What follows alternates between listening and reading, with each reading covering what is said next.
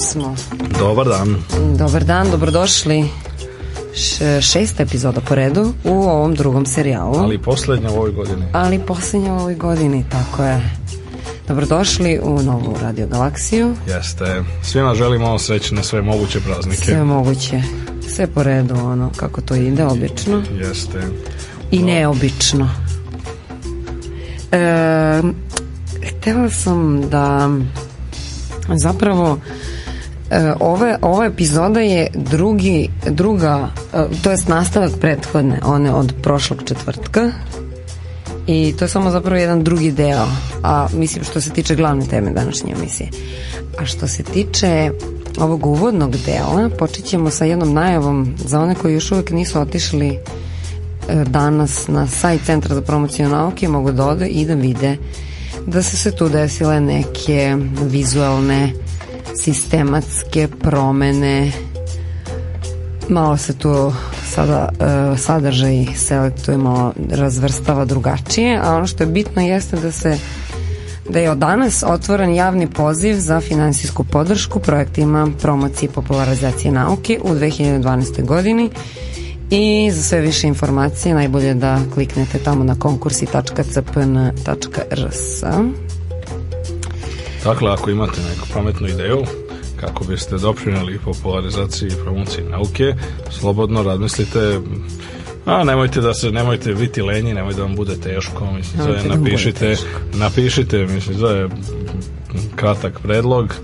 Čak i nije nešto za divno čudo, mislim zove čak je ovaj ti birokratski aspekti mislim zove problema i nisu tako teški kako inače znaju da budu mislim zove bar u ovoj nekoj prvoj fazi tako da ovaj, ako zainteresujete ovaj, žiri za vaš projekat onda će vam tražiti više detalja za početak to ne mora da bude sve detaljno razrađeno tako je tako je nije to baš tako strašno potrudite se malo samo fokusa i to je to podrška je važna to hoćemo mi, mi sada podržavamo sve te neke mlade projekte, a ono što je zanimljivo jeste da Mislim, vi možete da nam se javite zapravo na, na, na da komunicirate sa redakcijom Radio Galaksije i to preko e, Twittera i e, Facebook stranice Radio Galaksije arhiva, ali i takođe preko e, Gmail e, adrese koja je radiogalaksija.gmail.com i u tom smislu ima već neko vreme kako nam se jedan od slušalaca javio sa jednim zahtevom a e, to je tiče se e, zapravo pitanje je da li je moguće da, e, da se u nekoj od sledećih emisija Vade galaksije spomene nešto što se zove Calculus, jel se tako kaže? Pa Calculus, ok, mislim da to Calculus je, to, to se, ok, mislim da je to se, to je nešto što se kod nas zove matematička analiza. E, to to. Jeli? A, mhm. ovaj, a inače, mislim, inače je dosta stara. Ok, mislim sad, e, sama stvar je onako više tehničkog karaktera u smislu toga da predstavlja deo onoga što se inače zove napredna matematika, ali te u tom, te u tom smislu, a pogotovo bez, hajde da kažemo, vizuelnih stvari je teško reći, mislim, zove ovaj, bilo šta, mislim, u smislu matematičkih i tehničkih detalja, što na kraju krajeva i nije naš cilj, ali ono o čemu možemo da, da popričamo i svakako ćemo u jednoj od narednih emisija, pošto to jeste zanimljiva tema i zahvaljujemo se Vuku, Vuku. Na, mhm. ove, na, na tome, jeste kako je došlo do nastanka matematičke analize, odnosno onog njenog dela, sad je to postao mnogo širi pojam nego što je ranije bio, ali onog njegovog dela koji je zapravo ključan, a to je diferencijalni i integralni račun. I jer to veliko otkriće koje, oko koje je bilo toliko kontroverzno u 18. veku zbog toga što su dvojica velikih umova tog doba, Newton i Leibniz, tvrdili da su upravo oni otkrili dakle diferencijalni integralni račun i to je bio a, jedna prva velika zaista rasprava da upotrebim najblažu reč o prioritetu u nauci koja je potresla celu Evropu tadašnju i ljudi su se masovno delili na pristalice Njutna i pristalice Lajvnica po tom pitanju a, ne toliko mislim zove zbog toga što je odmah bilo očigledno koliki je značaj e, novo otkrivenih oblasti matematike koje, kažem, su na neki način postale ono jezgro onoga što se danas naziva matematičkom analizom, mada pojam analize danas je daleko širi naravno nego što je bio u 18. veku, ali je tada to nastalo. U svakom slučaju to je bio način na koji su kada se spoji diferencijalni integralni račun sa onime što je nekih stotinak godina ranije otkrio René Descartes, odnosno analitičkom geometrijom, odnosno načinom na koji se nekakve matematičke funkcije mogu predstaviti grafički kao ne krive u ravni, ako imate odgovarajući koordinatni sistem. E, e Dekart je prvi postavio, zato se na kraju krajeva i pravo ugle i uobičajeni koordinatni sistem iz ove Descartov koordinatni sistem ili kartezijanski ponekad.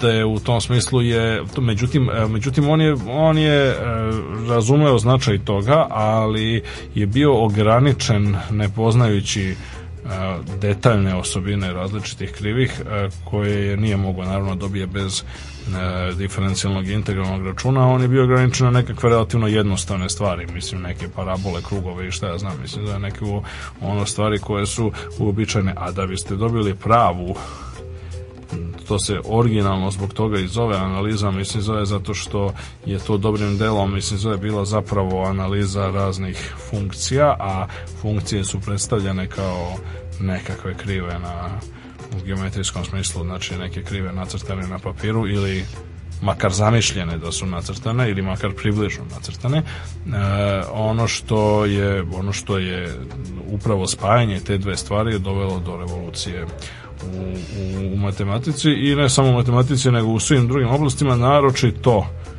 tehničkim i inženjerskim oblastima za koje da je postalo jasno da zapravo komplikovani problemi koji su do tada morali da budu rešavani nekim geometrijskim ili recimo ha, ajde da kažemo nekim polu empirijskim analognim metodama su mogli da počnu konačno da se rešavaju precizne, preciznim, preciznim matematičkim metodama, odnosno rešavanjem nekakvih, kako se to lepo zato i zove, mhm. diferencijalnih i integralnih jednačina.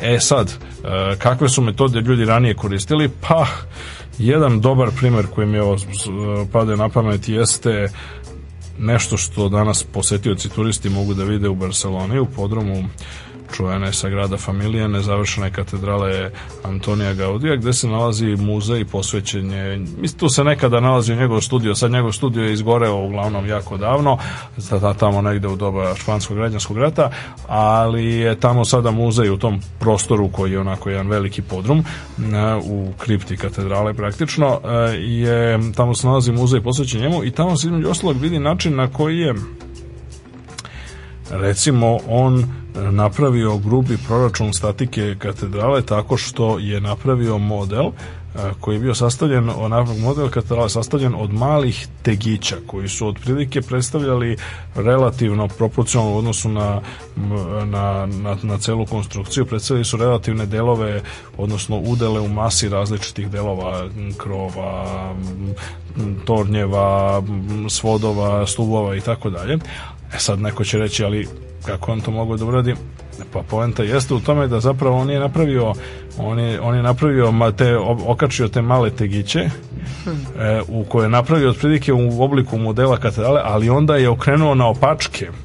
I poenta jeste da tu imate katedralu koja visi u vazduhu, odnosno koja je gde se temelji nalaze gore, a cela konstrukcija mislim zove se spušta nadole i to je jedan model koji otprilike negde recimo šta ja znam jedno metar i metar i po veliki otprilike i sad e, poenta jeste da e, on nije e, možda, možda i mogao već u je li njegovo doba, ali nije hteo ili nije znao ili nije hteo da, da to, da problem, da taj problem statike rešava rešavajući mislim zove nekakve komplikovane diferencijalne načine kako danas rade ljudi, mislim zove je li nego je koristio mislim zove vrlo jednostavan principa, to je koji kaže da ako gravitacija je glavna sila koja upravlja tome, onda je sasvim svejedno u principu kako ćemo orijentisati gore ili dole, ako je nešto stabilno i održava se zajedno, mislim zove sa u jednom smeru, onda će biti stabilno i u drugom smeru, tako da je ovaj, recimo taj njegov semi, semi e, empirijski analogni model, to je ekvivalentno recimo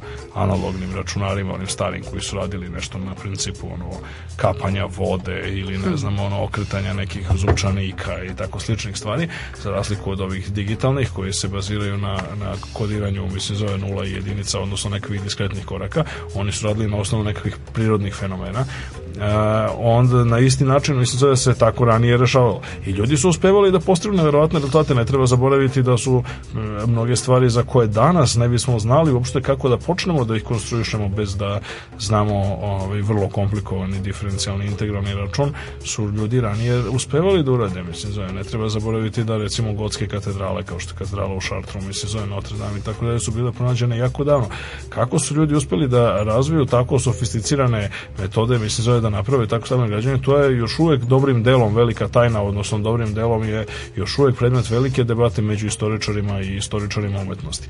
A, u svakom slučaju razvoj, mislim, onoga što se na engleskom zove kalkilusa, na, na naša matematička analiza, predstavlja jednu vrlo zanimljivu epizodu istorije matematike i zašto da ne, u nekoj od narednih epizoda rado ćemo se pozabaviti i time. To svakako. Eto, nadam se da je Vuk malo dobio neki nešto što je, što je tražio u onom mailu, a vi naravno nastavite da pišete i javljajte se, pre, predlozi, sugestije, sve to dobro došlo, a mi ćemo nastaviti emisiju sa vestima iz nauke.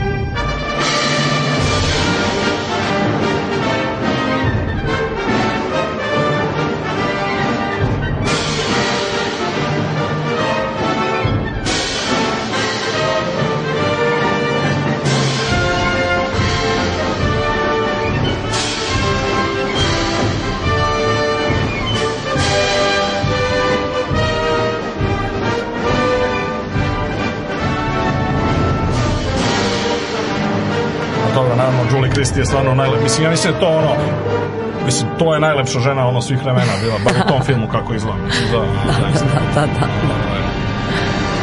Genijalno, genijalno. E, e, e, da, današnji epizod Radio Galaksije će imati muzičke e, deonice iz nekoliko kultnih e, filmova Jeste. 20. veka. Jeste. Imali ste priliku da čujete Mauris Žara. Jeste, to znači nije Žar Mišel Žar koji je nedavno održao sjajan koncert u Beogradu, nego njegov otac Tako koji je bio sjajan klasični kompozitor, da kažemo, i dirigent i između ostalog baš poznat po saradnji sa Sir Davidom Linom i pravio je filmove za, odnosno muziku za sve Linove glavne filmove kao što su Most na reci Kvaj, Rajan Avakić i Lorenzo Darabije i ovaj pomenuti doktor Živago, odnosno upravo smo čuli u Tako Vertiru. Je, upravo smo čuli glavnu vrtiru. E, sad da vidimo šta ima novo, jer ima e, pa nešto pa to... novo u Centru za promociju pa, nauke. Pa, e, na samom početku sam spomenula te nove... Dobro, osim konkursa. Os, pored konkursa, pa ima ovaj novi, no, no, novi vizualni identitet, sadržaj. sadržaj. I što se aktivnosti tiče, pa uglavnom protekla nedelja je dosta bila mirna, tako da spremaju se praznici, radi se na ovim na ovom tačno. portalu, tako da od aktivnosti ništa nešto spektakularno, ali bit će, nadamo se nove godine. Odlično, o tome ćemo naravno izvestiti, a što se tiče, mislim, zove nauke u svetu, tu je bilo par nekih zanimljivih stvari. Jedna od onako najsimpatičnijih vesti, da kažemo, nam dolazi iz Japana, mm -hmm. iz korporacije Sony, koja je, evo, pre nekih 5 dana a, predstavila svoju novu bateriju E, baterija ni manje, ni manje, ni više da. nego radi na papir.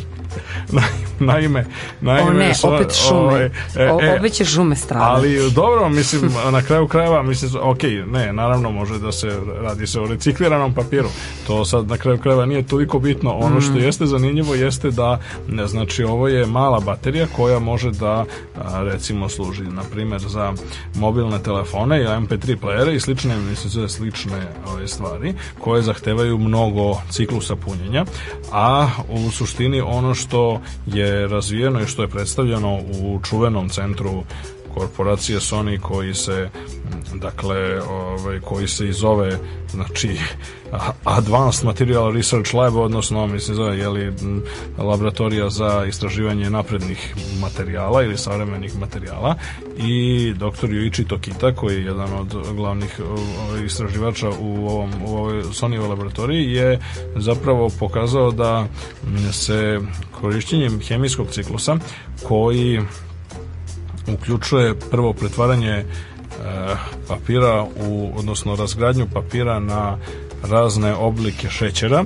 a zatim mislim zove koristi e, sagorevanje šećera u hemijskim reakcijama koje su grubo govoreći analogne ne u detalje naravno, ali grubo govoreći analogne onima koji se dešavaju u recimo organizmima životinja i ljudi, mislim, gde se takođe od šećera proizvodi energija, samo što je ova energija koja se proizvodi u sonijevoj bateriji električna i u suštini, mislim, zove može da a, može da se recimo koriste stvari koje su tako jednostavne upravo na prezentaciji ove nove baterije. doktor Tokito je koristio ove ovaj, stare praznične čestitke, znači nešto što je inače aktuelno ovih dana, te baš i to pomenuo, znači koristeći pod navodnicima gorivo koje je tako jednostavno, da ne kažem trivialno kao što su stare čestitke, kojih ima na milione u naokolo, ova biobaterija može da izdvoji dovoljno energije da recimo pokreće mali ventilator, kao što je recimo kulere ove u računarima ili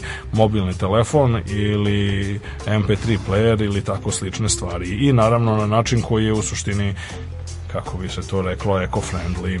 I to je čak i pozdravljeno od strane poznatih ili ekoloških organizacija kao što je Greenpeace i, i drugi zato što na neki način pa na neki način se pokazuje da aj, kao što opet razumni ljudi su videli od uvek, to je da na kraju krajeva i energetska efikasnost i uštede koje se mogu postići s jedne strane i ekološka svest sa druge mislim zove idu zapravo paralelno a ne jedno nasuprot drugome tako da ne, u tom smislu reči mislim velike kompanije kao što je Sony koje ulažu zaista u bukvalnom smislu reči milijarde dolara ili, ili evra godišnje u istraživanje e, su zapravo mesta gde možemo očekivati da se razviju najefikasnije e, ekološki e, prijateljske i i čiste tehnologije. Ono što jeste interesantno jeste e, da je ovaj rad je nastavak jednog, jednog projekta koji je dao prve rezultate 2009. godine kada su na,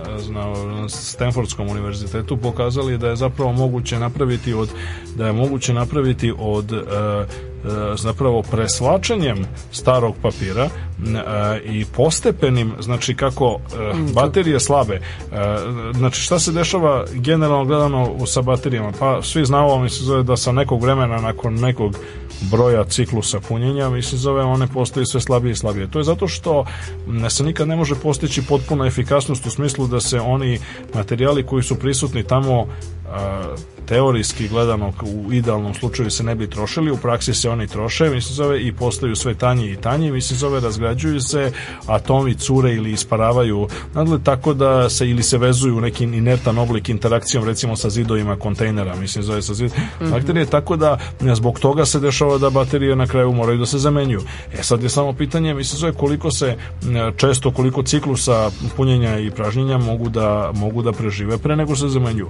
I sad isto ovi 2009. Eh, je objavljeno da recimo korišćenjem papira kao aktivnog materijala tako što bi se on presvukao mislim zove nekoliko, nekim slojima koji uključuju mislim zove nano tube i nano žice jer se može postići baterija koja e, dostiže čak 40.000 ciklusa mislim zove punjenja i pražnjenja što je mnogo više nego ove komercijalne mhm. komercijalno upotrebljive ove rechargeable punjive baterije a to se postiže na taj način zapravo mislim ono što se gubi jeste taj papir samo što papirni sloj se stanjuje ali se stanjuje dovoljno polagano da može da izdrži čak 40.000 ciklusa. Sad ćemo vidjeti da li će ova Sony baterija koja odlazi još jedan korak dalje u tom pravcu, mislim, biti uskoro u, u, u komercijalnoj upotrebi da. ili ne. To ostaje da se vidi. E, a hm, Zanimljiv. druge zanimljive vesti nam stižu, mi se zove od uh, sa uh, svemirskog sanatorija Kepler. Mm -hmm. Dakle, satelit Kepler je inače otkrio, mislim, se zove, o tome se nešto, mislim se čak i u ovoj nekoj uh, dnevnoj štampi se moglo pročitati, je otkrio uh, planete koje su zaista nalik zemlji, u smislu da su jako male. E, ono što jeste interesantno, međutim, u vezi sa novootkrivenim planetama jeste da su e, dve koje su dosta dobro provučene, od kojih je jedna otprilike pa mislim gotovo potpuno identična sa zemljom, a druga negde 87% zemljine veličine, što znači mislim da je malo manja, ali bolje. Ono što je međutim čudno jeste da one kruže oko zvezde oko koje čovjek ne bi očekivao prosto da postoje zvezde, pošto je to takozvani uh, subpatuljak. E, e sad, da bi razumeli šta je supatuljak, neophodno je da se malo vratimo unazad.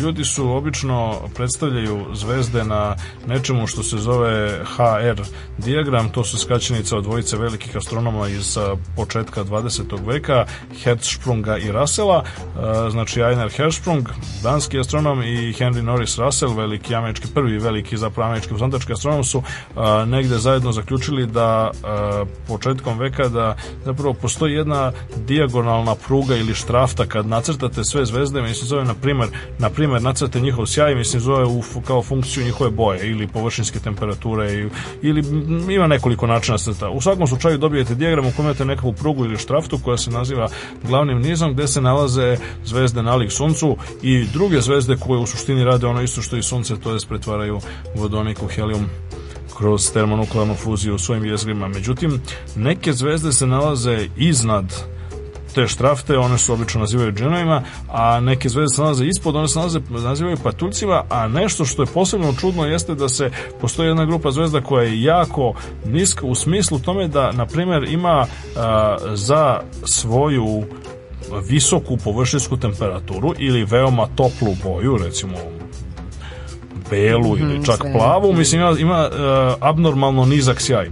I oni se nazivaju subpatuljcima, pošto se bukvalno nalaze ispod, mislim ispod patuljaka na HR dijagramu uh, i uh, pretpostavlja se njihovo, inače osobine su jako čudne, tako da se pretpostavlja da su to zapravo objekti koji su nastali nakon, na samom kraju evolucije zvezda, one postanu crveni činovi, onda odbace te spoljne omotače i onda jedno vreme jezgro zvezde može i dalje da sija, a, a ukoliko se omotač odbaci dovoljno brzo, onda se on rasprši po međuvezdanom prostoru i mi ga danas ne vidimo.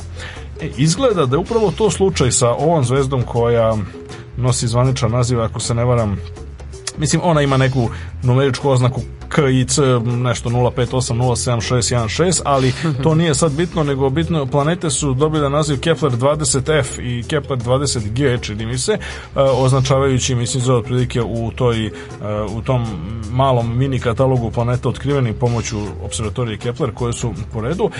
Kako stoje stvari? One su provele jedno vreme relativno kratko, ali svejedno, mislim, zove jedno, kratko u astronomskim terminima, yes. jedno vreme od možda par miliona godina unutar atmosfere, mislim, zove crvenog džina. Znači, dok je trajalo odbacivanje, mislim, zove tih, to danas, danas više nema tih slojeva pošto su oni raspršili već, mislim, zove, zato ih i ne vidimo direktno. Ali ono što jeste zanimljivo, dakle, te zvezde, te planete koje su Pa sad, ako je nešto i bilo zanimljivo posebno na njima, mislim, zove ranije, dok je, znači, Zvezda živjela normalnim životom, one su jako stare, inače, mislim, zove, dakle, one su u principu, mislim, znači, one mi sad ne vidimo njih, kao Jasne. što vidimo i Zvezdu ka, na, na završetku, mislim, zove Zvezda, životnog Život, veka Zvezde. A, ovaj, e, a ono što je zanimljivo jeste da su, šta god da je bilo tamo, mislim, zove, doživjelo je ono strahovitu katastrofu, odnosno a, površina te planete, verovatno, tih planeta, verovatno njih njihova atmosfera je danas verovatno više nepostojeća.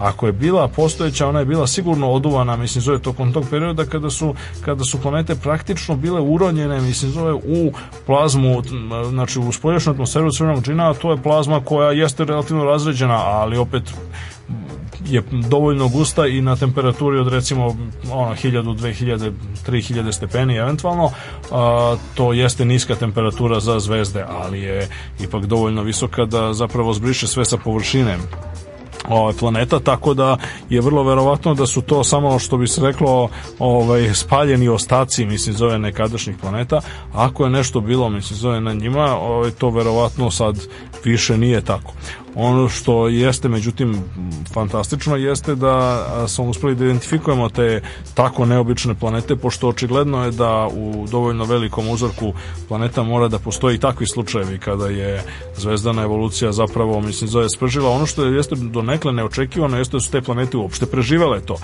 Jasno je da atmosfera crvenog džina je morala biti jako razređena. One, one su verovatno, mislim, zove se krenule spiralno da upadaju, mislim, zove i da padaju unutra unutrašnjosti, mislim zove zvezde gde je bila sigurno uništene, ali nisu stigle mnogo da upadnu zato što se atmosfera, ta, ta, ta opna, taj omotač crvenog džina se suviše brzo rasejao, tako da su one samo bile, mislim zove ono što bi se reklo spaljene skroz po površini i atmosfera je moduvana u svemir i onda je, i onda nakon toga je to prošlo, one se sad kreću, mislim zove kao, samo što su međutim to sad već sigurno sasvim jedna nekakva ovaj vrlo mračna i ovaj mrtva mesta, a sad ono što jeste zanimljivo jeste da li E, verovatno i gotovo izvesno da postoje da Neki postoje tragovi. takve planete, mislim zove koje a, e, postoje planete te, te vrste koje jednostavno se nalaze u nekom prethodnom evolutivnom stadijumu, tako da treba samo da ih tražimo. Ovo je bila relativno slučajna okolnost što smo baš naišli na ovako neobične ovako, znači neobične primerke koje, koje imamo prilike mi sada da vidimo. Hmm. Tako da, e, u svakom slučaju, satelit Kepler je, mislim, da jedna od, jedna od stvari koja, ajde da kažemo, jedna od observatorija koja se više i više pokazuje se strahovito bogatim izvorom novih podataka i strahovito mnogo ekstrasolarnih planeta se otkriva korišćenjem njegove, e, ove, njegove tehnologije, tako da se to pokazuje da je to jedna od, jedna od izuzetno uspešnih, uspešnih svemirskih e, observatorija, odnosno svemirskih sondi. E, kad smo već kod svemirske tehnologije, konačno imamo jednu, mislim, zove još, nažalost, mislim, zove mnogo lošiju vest. Nastavlja se, mm, da, nastavlja se ovaj dosta, mislim, zove ono tugaljiva serija, jedna crna serija u pravom smislu reči, mislim, zove za ovaj ruske svemirski rusku svemirsku agenciju Roskosmos i uopšte mislim zove a to je nažalost ovaj put će se odraziti i te kako mislim zove na i podiglo je već prilično veli, aj neću da kažem paniku, ali već dosta ovaj, bojazni i briga u vezi sa Međunarodnom svemirskom stanicom. naime, skorašnje lansiranje rakete Sojuz koje je trebalo da bude 23. decembra ove godine je bilo neuspešno, naime mislim zove kako stoje stvari, ovaj Dogodilo ovaj Sojuz 2 je ovaj trebalo da pusti, on je trebalo da ostavi komunikacione satelite u orbiti, međutim jednostavno mislim zove se ovaj to nije desilo, kako stoje stvari, mislim zove ovaj, raketa je skrenula negde sa svoje predviđene putanje u atmosferi, mislim zove i srušila se na zemlju, uglavnom sagorela, mislim zove neki ostaci su a, ovaj, pali u Sibir, mislim zove na nenastanjena mesta.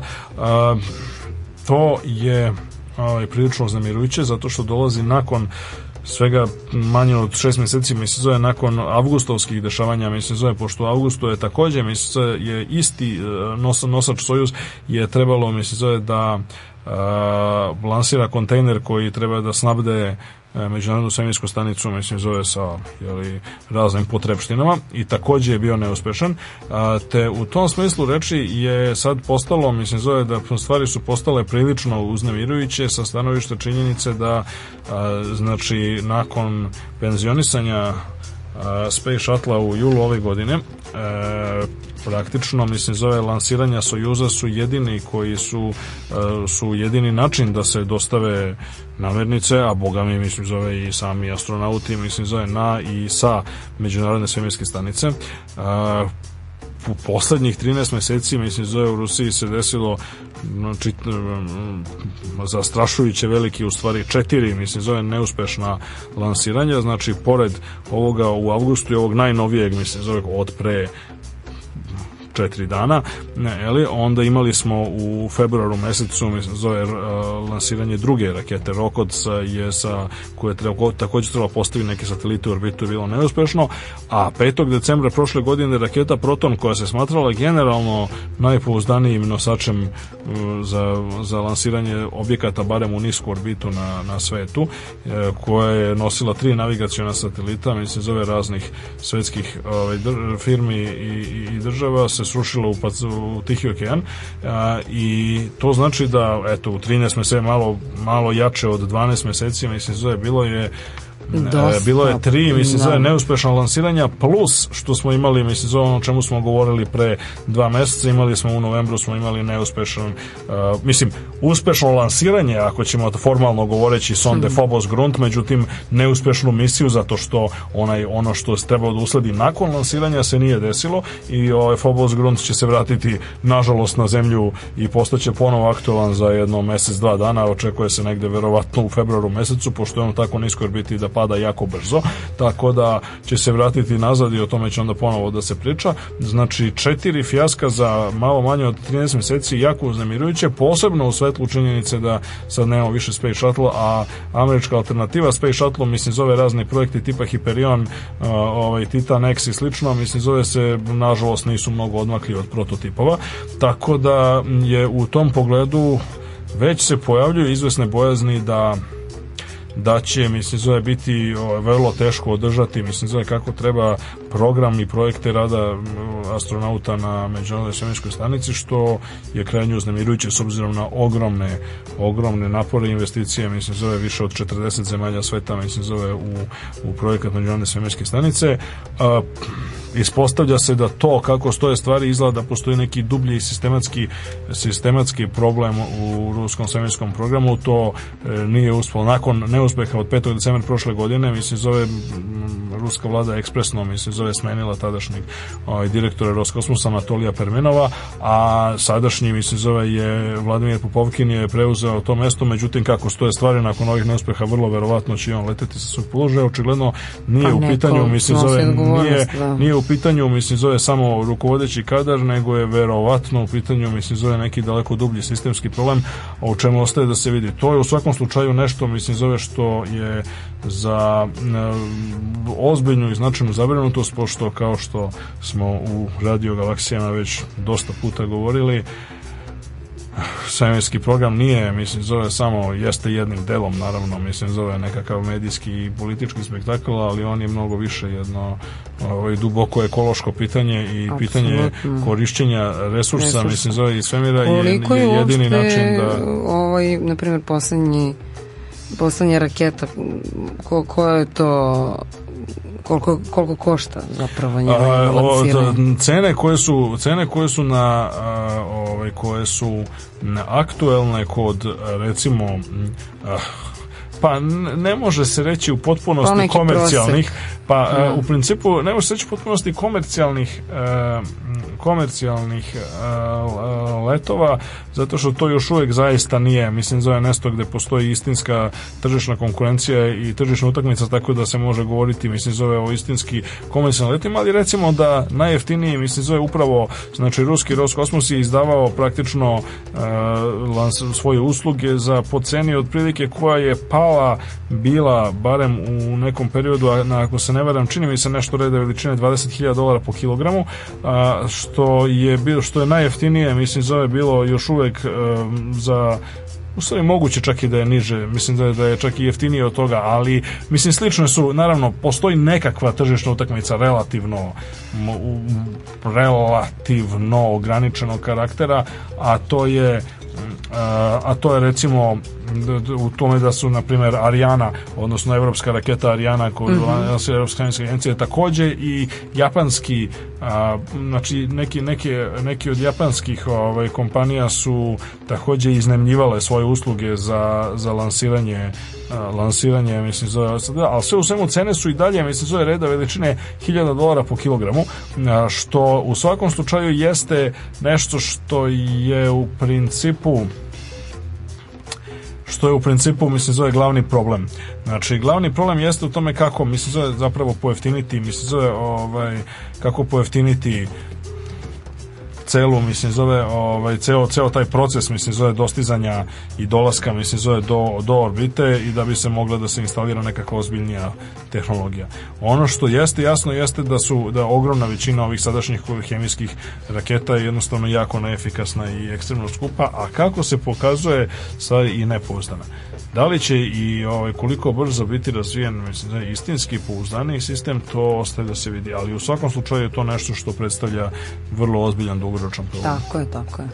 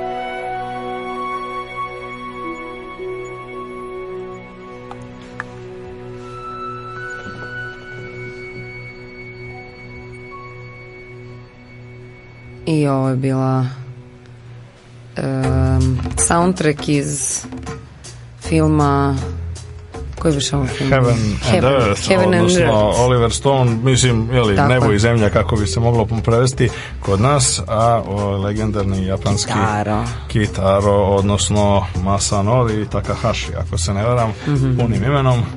Dakle, čovjek, ovaj, jedan od ovako legendi, što bi se reklo, New Age muzike. Definitivno. Tako e, da. a e, sada nastavljamo sa drugim delom o priči Jeste, o, o, o podvalama i, i prevarama u, u nauci. Da, da. Uh, ono što je, mislim, obično se, vrlo često se inače uze bude rečeno, mislim, zove za prevaru nauci se koristi ponekad ovaj, engleski termin misconduct, što je, znači, sad Jedna sam pomenuli smo, mislim, zove fraud kao, mm -hmm. kao možda najadekvatniji termin, a misconduct je nešto, mislim, zove čime se često ovakvi slučajevi ublažuju, hajde tako da kažem. To je ono, kao, kao kad kažete napravljene su greške. Mislim, da, e, da, da, ovaj, da, da, da, to čuveni, čuveni ovaj politički slogan koji, ako se ne varam, Ronald Reagan bio, mislim, ženo, ovaj, rekao mistakes were made i to je tad ušlo, mislim, zove u to, je, to je ovako jedan odličan demagoški manevar da se kaže prvo, mislim, zove da se, da se da izbegne pominjanje ikakvih nekih imena da, i da, da. ovaj, nema a druga stvar mislim zove kad kažete ono mistakes mislim zove kad kažete greške onda to na neki način podrazumeva mislim zove da tu nije bilo mislim zove nikad da, je, da se to desilo ne namerno što naravno mislim zove zapravo eminentno nije slučaj o, tako da tako da je ovaj, isto tako trenirati imati na umu znači kad se to kaže nešto academic misconduct ili scientific misconduct mm -hmm. ili mhm. research misconduct to je zapravo na neki način retoričko ublažavanje ozbiljnosti ovog problema i sad možemo ovako da e, nam bude bliža jedna ili druga oblast nauke, ali na neki način svako će se složiti da zapravo e, prevare imaju najdramatičniji efekat na neki način i mogu potencijalno da naprave najveću štetu onda kada se dešavaju u medicinskim naukama od i generalno gledano u onome što se zove naukama o životu i life sciences, a to je zapravo mesto gde se ovaj, nažalost dešavalo najviše nekakvih značajnih velikih prevara i sad a, za ovaj drugi deo a, sam zapravo spremio tri ilustrativna primera a, od kojih je prvi jedan koji se tiče e, evolucione biologije zapravo dva se tiču evolucione biologije E, dobrim delom, a jedan baš medicine u čistom smislu, a, ali u svakom slučaju one imaju jednu zajedničku crtu, mislim zove sa nekim novijim slučajevima prevara koji su se manifestovali relativno skoro, kao što na primjer bio slučaj a, poznati u Južnoj Koreji sa kloniranjem ili sa uopšte aha, radom na matičnim ćelijama a, i, i delimično na, na njihovom kloniranju a, e, no međutim to još nije dovoljno proučeno zato što te novije stvari koje su dešavale ti slučajevi prevara koji su dešavali u poslednjih pa da kažemo mislim zove desetak godina nisu dovoljno dobro izučeni i na neki način predstavljaju stvari koje su još uvijek u toku. Mi smo prošli put pomenuli kako je u slučaju Jana Hendrika Šena, mislim, dakle fizičara koji je falsifikovao rezultate o visokotemperaturnoj superprovodljivosti, nanotehnologiji i slično, je a, Pa on je relativno brzo otkriven nakon 3-4 godine, međutim e, činjenica da se ta afera po mnogo čemu povlači do danas. E, tako isto je slučaj sa ovim medicinskim prevarama najnovijeg datuma, tako da ćemo se ovde sad pozabaviti par primera e, koji su stariji i na neki način se, mada ni oni nisu, kao što ćemo vidjeti, opet potpuno završene priče. E, jedan najpoznatijih se tiče čuvene žabe babice, Alites obstetricans, to je jedna vrsta žabe koja je bila predmet čuvene prevare iz 1920. godina, da kažemo, odnosno otkrivene 20. godina, eh, u vreme kada se na neki način lomila istorija evolucione biologije, da li će prevarnuti na Eh, darvinističku ili pak lamarkističku stranu. E sad, da bismo razumeli to, potrebno da objasnimo šta je razlika između, između te dve stvari. Dakle, imamo Darwinovu teoriju o tome kako evolucija dolazi kao posljedica eh, prirodne selekcije među tehnički govoreći slučajnim ili izotropnim promjenama do kojih nastaje zbog mutacija. Dakle, a na čuvenom primeru žirafe koja je, koju karakteriše njen dugačak i lep vrat, se može zapaziti jasno razlika između darvinizma i lamarkizma. Darvinizam je zastupao ideju da zapravo iz jedne u drugu generaciju postoji a priori podjednako velika verovatnoća da e, ili 50-50 da će e, vrat kod narodnoj generaciji žirafa biti malo, malo kraći ili malo duži mislim nego u prethodnoj.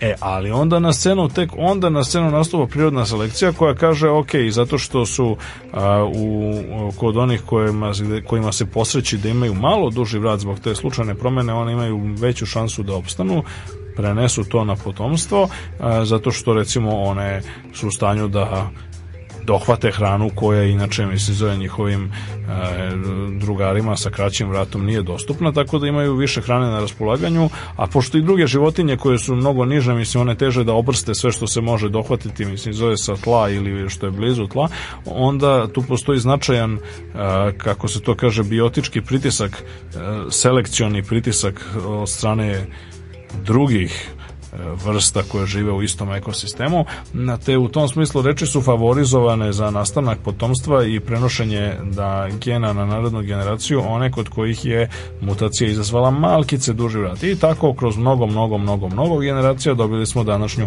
žirafu koja ima eminentno jako dugačak vrat i e, nijedna druga vrsta ne može da je konkuriše u pogledu dohvatanja e, hrane koja se nalazi visoko. Taj proces je dosta dobro objašnjen u South Parku. E.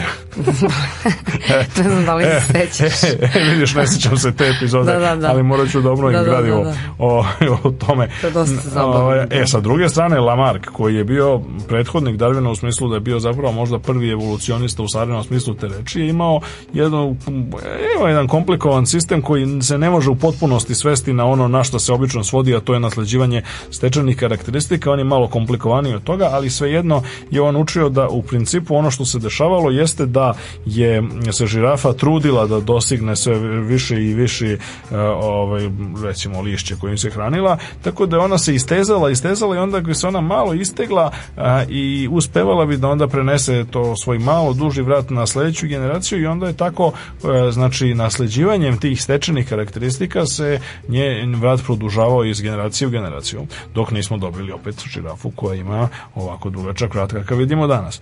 I sad, dakle, to su bile dve velike teorije koje su bile bile u velikom konfliktu u drugoj polovini 19. i početkom 20. veka. Sam Darwin imao veliko poštovanje prema Lamarku. On je čak on je dozvoljavao da se da se te stvari dešavaju pošto nije znao ništa zapravo o mehanizmima nasleđivanja koji su otkriveni tek mnogo kasnije. Zapravo otkrio ih je Mendel prvo, pa onda je to bilo zaboravljeno, pa je posle ponovno otkriveno e, i tek je u 20. veku razjašnjeno zapravo kako dolazi do da se informacija čuva u DNK, pa sad ona od DNK prelazi na proteine koji onda određuju izmenu vidimo između ostalog i morfološke osobine organizama. Tako da smo mi danas shvatili, to ono što se često zove centralna dogma molekularne biologije, da zapravo informacija se prenosi u jednom smeru sa DNK na proteine, a ne obrnuto, što će reći da bar na nivou e, komplikovanih biljaka i životinja, kod bakterija i mikroorganizama je situacija drugačija, ali na nivou onoga što mi obično nazivamo živim bićima, jeli kao što su ono, ljudi, mačke, žirafe, e, e, ribe, ptice, i e, drveće i slično, zapravo lamarkizam je neodrživ. pošto nema načina da se prenese informacija u kontrasmeru, znači vi treba sa nečega što je makroskopsko i morfološko i fiziološko, a što se u krajnjoj instanciji hemijski izražava nekakvim proteinima, treba da pre prenesete informaciju nazad na DNK, što zapravo ne možete da izvedete po našem savremenom shvatanju molekularne biologije. Naravno, ovo je podnostavljena slika, ali e, elem danas ljudi ne uzimaju lamarkizam ozbiljno, opet kažem sa mogućim izuzetkom kod mikroorganizama, mada neki ljudi opet kažu da i to više semantički problem, jer ono što se dešava kod mikroorganizma se ne može poistovetiti sa starom lamarkističkom teorijom, mada ima nekih srodnosti ali u svakom slučaju do, tokom Početkom 20. veka situacija je bila obrnuta. To je Lamarkizam je bio većinsko učenje. Mnogi kasni i veliki biolozi, i evolucioni, darvinisti su bili originalno lamarkisti pa su se pokajali, na primjer veliki Ernest Mayer koji je e, relativno nedavno pre par godina preminuo u svojoj 101. godini je, kako sam priznaje u mnogim svojim knjigama, u mladosti bio vatreni lamarkista i brojni lamarkisti su u periodu 1910. 1920. pokušavali da eksperimentalno pokažu da je nasleđivanje stečenih osobina moguće i među njima njima najpoznatiji i najčuveniji bio je Paul Kammerer, koji je bio zoolog, slučnjak posebno za vodozemce, znači stvari kao što su ono, životinje kao što su žabe, gušteri, salamandri i slične, a, ovaj, je, e, dakle, e, koji je vršio eksperimente u Beču, u tamošnjem institutu za eksperimentalnu zoologiju, a, sa ciljem da pokaže da je moguće da se neke stvari koje se razviju tokom života jedinke prenesu na njeno potomstvo. Najpoznatiji eksperiment koji je izvršio i najkontroverzniji e, je onaj sa tom pomenutom žabom babicom, koja se inače razmnožava, koja živi i u vodi i na suvom, kao što je inače osobina vodozemaca, ali se e, razmnožava e, uglavnom gotovo isključivo isključivo se raznožava na suvom i tome je tako prilagođena i položaja je na suvom. E sad, e, Kamerer je uspeo da uzgoji takvu populaciju žaba u laboratoriji da ih natera veštački plaveći tamo delove tog njihovog vivarijuma u kome su živele, da ih natera da se razmnožavaju i polažu jaja u vodi. I sad to nije išlo, je prva generacija, druga, treća, mislim, zove imala veliku smrtnost. Međutim, nakon idosnog broja generacija, pokazalo se da je moguće da se rađaju uspeš žabe znači razmnožavaju i polažu jaja u vodi i da se onda nakon toga rađaju nove generacije ovih žabica koje su bile prilagođene na to pošto je voda klizava, one su imale posebne nekakve kako se to kaže nekakve rožnate pločice koje su im omogućavale da povećaju trenje, mislim zove da bi se sprečilo klizanje i da bi sprečilo da jaja ne potonu u vodu, nego da ostanu tamo gde treba da ostanu. I on je tvrdio da su one to razvile kao posledica nasleđivanja stečenih osobina. E sad, to se dešavalo, ti eksperimenti su, su bili, i on radio na njima 1900, recimo 10. oko 1910. i postigao je jako veliki uspeh u prvo vreme. Ljudi su slavili, pisali su njemu, mislim, zove kao onom najvećem eksperimentalnom biologu, bla, bla, bla. Znači, bio je jako slavan. E, onda je došlo do čitavog niza nesečnih okolnosti, izbijanja Prvog svetskog rata, raspada austro ogromne inflacije građanskih nemira, što je potpuno prekinulo kameru eksperimente. Institut za eksperimentalnu zoologiju u Beču je zatvoren. A, jedan deo, mislim, zove njegovih uzoraka bio uništen tokom rata, mislim, zove i ovih nekih građanskih nemira koji su usledili i je za jedan sačuvani uzorak, mislim zove ove ovaj žabe koji on pokazivao, mislim koji je bio u sačuvan u formalinu, mislim zove koji on pokazivao širom sveta, ispostavilo se ispitivanja koje su izvršili, mislim zove Nobel i Pržibram 1926. godine su uh, i objavili su u nature mislim zove skandalozan članak u tome kako je zapravo su oni analizirali to, ustanovili su da te pločice koje su se manifestovale kao zatavnjenja na ovaj e, koži e, žabe na zadnjim nogama su bile zapravo veštački obojene, mislim zove ubrizgavanjem mastila u ubrizgavanjem neke, neke boje slične mastilu, mislim zove u preparat. I sad, mislim zove, kako ono što izbio je veliki skandal, time su dovedeno u pitanje rezultati prethodnih kamererovih eksperimenata, a, ta afera imala tragičan epilog zato što vrlo brzo, mislim, zove, znači nakon objavljanja tog teksta u Nature-u par nedelja kasnije, kamer je otišao u šetnju, mislim, zove u uh, e, Pečkom predgrađu Terezijanska brda i tamo je, mislim, zove negde ona ispod jednog drveta, mislim, zove pucao sebi u glavu a, izgleda njegovo samobistvo je protumačeno se zove kao neki način priznanje krivice tako da su onako da je maltene se zove afera bila tad stavljena ad akta i dugo vremena skoro pola veka se niko živi, mislim zove, nije ulazio u to, jednostavno, mislim zove, svi pomen tih eksperimenta jednostavno bio izbrisan i kako to često već bivo u nekoj oblasti kad se otkrije, mislim zove, prevara, ovaj, onda je na neki način to izvalo takav neki osjećaj ono, nelagode i neprijateljstva, tako da je ta tema generalno, mislim zove, o tome može li se eksperimentalno verifikovati, posebno kod vodozemaca, nasleđivanje stečenog osobina bila potpuno ono, ignorisana i izbegavana po svaku cenu.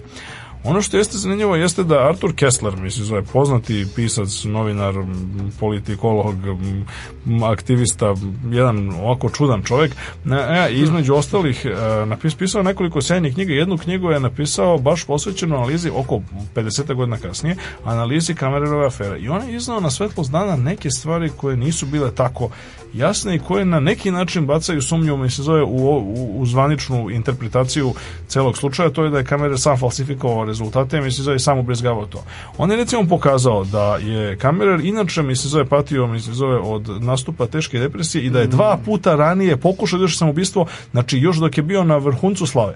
Tako da e, to na neki način mi samo po sebi mislim da ništa ne govori. Druga stvar koja jeste interesantna jeste da on bio 1921. godine, znači pet godina pre ovaj, raskrinkavanja, hajde da kažemo, on je bio sa istim tim primerkom a, ovaj, očuvanim uzorkom je bio u Cambridgeu koji je bio a što se može očekivati, ali za Cambridge jedna tako reći tvrđava darvinizma i tamo su ljudi koji su bili najveći protivnici lamarkističke interpretacije i bili u prilici i pregledali mislim zove taj uzorak pod, masti, pod mikroskopom pardon, i nisu pronašli ništa čudno u vezi sa njim i ništa što bi ukazivalo, mislim, zove na prevaru. A jedna od ideja, mislim, zove koja je nastala kasnije, jeste da zapravo e, sam kamerer nije bio odgovoran na prevaru, nego je to bilo deo jednog od njegovih asistenata. Inače, on e, već tada, 20. godina, u Austriji su bili vrlo aktivni nacisti i a, jedan, među brojnim kamernim asistentima, mislim, zove, bilo nekoliko aktivnih nacista. On je sa svoje strane bio e, izrazito, hajde da kažemo, levičarski orijentisan i ne samo to, nego se čak i nije ustezao da o tome govori, piše u štampi i tako dalje, istupa, mislim, zove protiv nacizma. A, moguće je da je to bilo, mislim, zove, hajde da kažemo, spletka koja je imala za cilj, mislim, zove mm. da a, ovaj, baci, da ga kompromituje jednostavno, mislim, zove i njegov rad do sada. A, ono što, da. međutim, ono što, je ironija, mislim, zove, jeste mm. da, ironija jeste da a, tu jednu, mislim, to je moguće što da tako zaista desilo. No, međutim, i stoga mm-hmm. ne proizilazi, mislim, zove, da nikako ne treba izvući zaključak, mislim, zove, da je, ono, lamarkizam ikada zaista, mislim, zove, bio mogući, da je on nekada zaista. Vrlo verovatno, ono što se zapravo dešavalo u Cameron eksperimentima je bio nešto što se zove atavizmom, a to je činjenica da su postojale, recimo, te pločice, na primjer, koje bi koje, da je mogućnost, ajde da kažemo, informacija neophodna da bi se one razvile postojala u DNK žabe od ranije, kao posljedica nekakvog prethodnog evolucionog faze u kojoj je žaba zaista živjela u vodi. Kad se preselila na suvu, oni su jednostavno ti delovi DNK su postali neaktivni. Zbog plastičnosti genotipa moguće je da su se oni aktivirali ponovo, a to ne znači, mislim zove da oni već nisu bili tu, mislim zove to ne znači da je time zaista stvoren novi kvalitet kako bi lamarkisti hteli da dokažu, nego jednostavno je genom komplikovaniji nego što je bilo ko tada u to vreme bio u stanju, mislim zove da pretpostavi. Naravno, lamarkizam ima najtragičnije posljedice kada je oficijalno prihvaćen u Sovjetskom savezu i u obliku kada ga je prihvatio legendarni ovaj, zlikovac Trofim Denisović Lisenko, koji je je uveo čitavu lamarkističku dogmu kao zvaničnu, mislim, zove ideologiju u svim komunističkim zemljama, prvo u Sovjetskom savezu, potom i u ostalim zemljama i to imalo tragične posledice, o tome smo pričali, mislim, zove u da, jednoj od da, prethodnih radiogalaksija. U svakom slučaju, ovo je recimo primer prevare koja je očigledno bila prevara, sad nije jasno u potpunosti koju je počinio. Mm -hmm. Dakle, sa druge strane, drugi slučaj koji se je savremenijeg karaktera i desio se 1973. i 74. je mnogo jasniji. Mada s druge strane pokazuje da se prevarama ne morate služiti ono samo u, u sofisticiranim, veoma komplikovanim muslima. Naime, Uh, u Sloan Ketteringu institutu za onkologiju u Njujorku, jedna od najvećih i najuglednijih svetskih uh, ustanova za proučavanje raka. Uh, zaposlio se 1973. mladi, briljantni, izuzetno perspektivni imunolog po imenu William Summerlin. A on je rešavao i tvrdio je da je rešio problem odbijanja te odbijanja tki transplantiranih tkiva i organa koji je osnovni, jedan od najtežih problema imunologije i medicine. Naime, šta se dešava? Pa manje više, mislim, zove svako ko ima ili ima nekog ono, među prijateljima, familijom i tako dalje, kome je bio neophodan neki, neki transplant, bilo čega, zna da je potrebno i na, čak i ako je operacija savršeno uspešna, nakon bilo kakve transplantacije neophodno je piti razne lekove. Sad, ti lekovi su zapravo su takvi da oni supresuju imunološki odgovor organizma na a, transplantovano tkivo koje organizam u najvećem broju slučaja percipira kao nešto tuđe i strano i hajde da kažemo odbacuje. bori se protiv njega da. i odbacuje ga prob, taj, to je užasno veliki problem mm -hmm. medicine, koji svako, svake godine odnosi, bez ikakvog preterivanja, stotine miliona dolara, čak potpuno čisto materijalne štete, mi se zove, od operacija koje su neuspele ili koje su uspele, ali zahtevaju strahovito skupe i teške, ponekad i bolne i mučne lekove, mi se zove, koji će kasnije u nekim slučajima prate pacijente do kraja života. Mm -hmm. I sad, mislim zove, kada bi bilo moguće rešiti problem odbijanja tkiva, mislim zove, time bi se ono ljudi ono spasli hiljade ljudske života godišnje i postigle neviđene uštede. Samerlin je tvrdio, mislim zove, da on može da e, e, da izvrši presađivanje tkiva sa genetski nepovezanog donora bez da se pojavi imuna reakcija. Imuna reakcija je osnovni problem je, je to što imuna reakcija je e, posledica činjenice mislim zove da je organizam da je organ ili tkivo mislim zove nastalo u organizmu koji je genetski nepovezan ima drugačiju DNK makar se ona ekstremno malo razlikovala ali svejedno je drugačija i kao posledica toga znači ovi odbrambeni sistemi mislim zove organizma reaguju e sad idealan slučaj jeste kada bi transplant kada i to je onaj slučaj kada neće doći do reakcije kada transplant kada je donor istovremeno i akceptor znači vi kad transplantirate kožu mislim zove kao što se dešava u slučaju na primjer kod teških opekotina na licu vi uzmete kožu kožu sa noge pa transplantira da stavite na lice. Mislim, zove, ok, to nije problem. Srećan stica okolnosti jeste ako imate jednojačanog blizanca, na primjer, pa onda jednojačani blizanac može da bude donor koji ima identičnu DNK, mislim zove, pa onda neće takođe. Ali ogromna većina ljudi nema ili jednojačane blizance ili čak i ako ima, možda oni nisu u poziciji, mislim zove, da daju ili da transplantate i tako dalje. Te u tom smislu reči to je, e, Samerin je tvrdio, mislim zove, da korišćenjem relativno jednostavne hemijske reakcije, Znači, držanjem tkiva u nekakvim rastvorima nekakvih komplikovanih hemikalija je u stanju, mislim, zove da spreči kasnije kad ga, mislim, zove nakon jednostavnog vremena transplantira, mislim da spreči imunnu reakciju. I a, e, on je eksperimentisao sa mišima i a, e, kada su mu tražili, on objavio neke radove, vrlo senzacionalno na tu temu, izazvao pažnju celog sveta njegov direktor Sloan Kettering instituta, tadašnji doktor Good, je bio s jedne strane oduševljen, mislim, za time što je tako veliko otkriće nastalo njegovom institutu, sa druge strane opet tražio je da se to ono da ima još više dokaza i onda je insistirao o tome da Samuel napravi ono nešto što se u tradicionalnoj filozofiji nauke zove eksperimentum crucis, odnosno ključni eksperiment e, da naime koji će jednom za svakda dokaže mislim zove da nešto funkcioniše ili ne. I onda su za taj cilj oni su zajedno izabrali, mi se zove, znači, bele i crne miševe i onda su transplantisali, mislim, za, jeli, kožu kožno tkivo, epidermis, mislim zove sa, e, sa jeli, belih na crne miševe, da vide koji su naravno bili genetski potpuno nepovezani, mislim, uzeli su ih sa raznih strana, znači nisu nikakav, nisu, nisu ne, kamo listi, nisu ni rođaci, mislim zove da bi video, mislim zove da li, da li će i kao u kojoj meri će se izazvati imunološka reakcija odbijanja tkiva. I Samerlin je krajem 74. godine, mislim zove triumfalno ovaj, jednog dana, mislim zove ušao, pojavio se u kabinetu kod direktora, triumfalno noseći sa sobom, mislim zove uzorak miša, belog miša, mislim, zove sa crnim, jasno, pravilno, četvrtastim crnim zakrpama, mislim, zove koje su, u kojem je miš bio potpuno zdrav, bez ikakvog tretmana, bez ikakve imunološke reakcije. I sad to bi možda bilo, ovaj, nastavilo se i dalje, možda bi se ljudi oduševili da nije bio neki laborant koji je laborant i ljudi jako mnogo rade, koji rade sa eksperimentalnim životinjama, oni se jako dobro upoznaju sa njima i na neki način oni znaju znao čak i individualno. Da, I da. ovaj, on je čak, mislim, znao Miša i, ovaj, i, i nešto, mu se činilo, njega, da. nešto da. mu se činilo čudnim, naime, činilo mu se, recimo, učinilo mu se nešto čudno u sa njim, a pre svega, mislim, zove mu se činilo da ta, mislim, zove, ovaj, znači, E, ta zakrpa, mislim, zove crnog tkiva, mislim, zove na njegovom belom, mislim, zove inače, kažu mu se činilo da je bila koliko dan pre ili, ili, ili par dana pre, mislim, zove drugačije i mnogo manja, mislim, zove i drugačijeg oblika i manja, mislim, mm -hmm.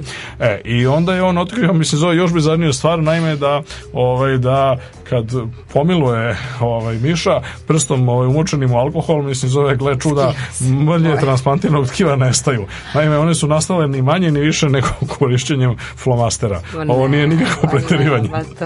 dakle, ispostavlja se, ispostavlja se, mislim zove da su sad kasnije ispostavili da su i same drugi rezultati objavljeni tokom prethodne dve godine ovaj, bili podjednako izmišljeni.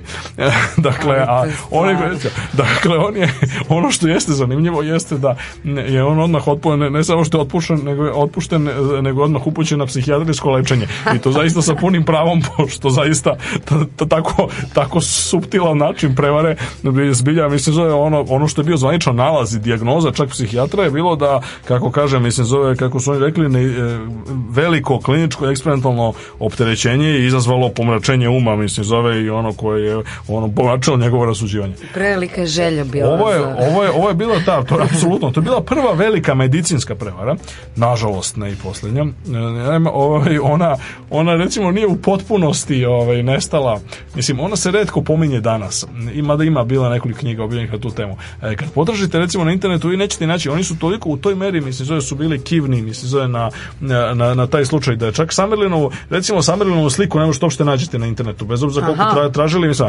ali ono što sam ja lično našao kad sam mislim zove tražio materijal jeste ni manje ni više mislim zove nego reklama, mislim zove za out ovaj, za flomastere gde se naime pominje ta afera i gde se kaže otprilike mislim zove e, da je on koristio mislim zove ove, ove. naše flomastere mislim zove to se nikad ne bi otkrilo pa to je ovaj, o, sad njegov, njegov, bivši, njegov bivši kolega mislim inače isteknuti ozbiljni imunolog, imunolog dr. John Leavitt danas bio teh konsultant mislim zove je, kad su ga pitali o toj aferi mislim zove on je rekao mislim zove sledeće u, u, prilike u prevodu grubo govoreći mislim zove ovaj, ovaj slučaj je tako bizaran zato što obično slučajevi prevara su jako kompleksan komplikovan i užasno ih je teško dokazati. A ovde kaže, jednostavno bio, kaže, običan, kaže, guy with the magic marker. da, da, da, da, ne. Apsolutno bizarno. Tako je to. E, i sad, mislim, Zoja, naravno, treći i najspektakularniji e, primer mm -hmm. ovaj, koji ćemo do, do kojeg ćemo doći, o kome smo već nešto govorili u prethodnim radio galaksijama, ali možda, mislim, Zove je u ovom novom kontekstu, mislim, Zove je sasvim dobar, ćemo doći u njega, ali sad nakon jedne muzičke pauze. Hajde.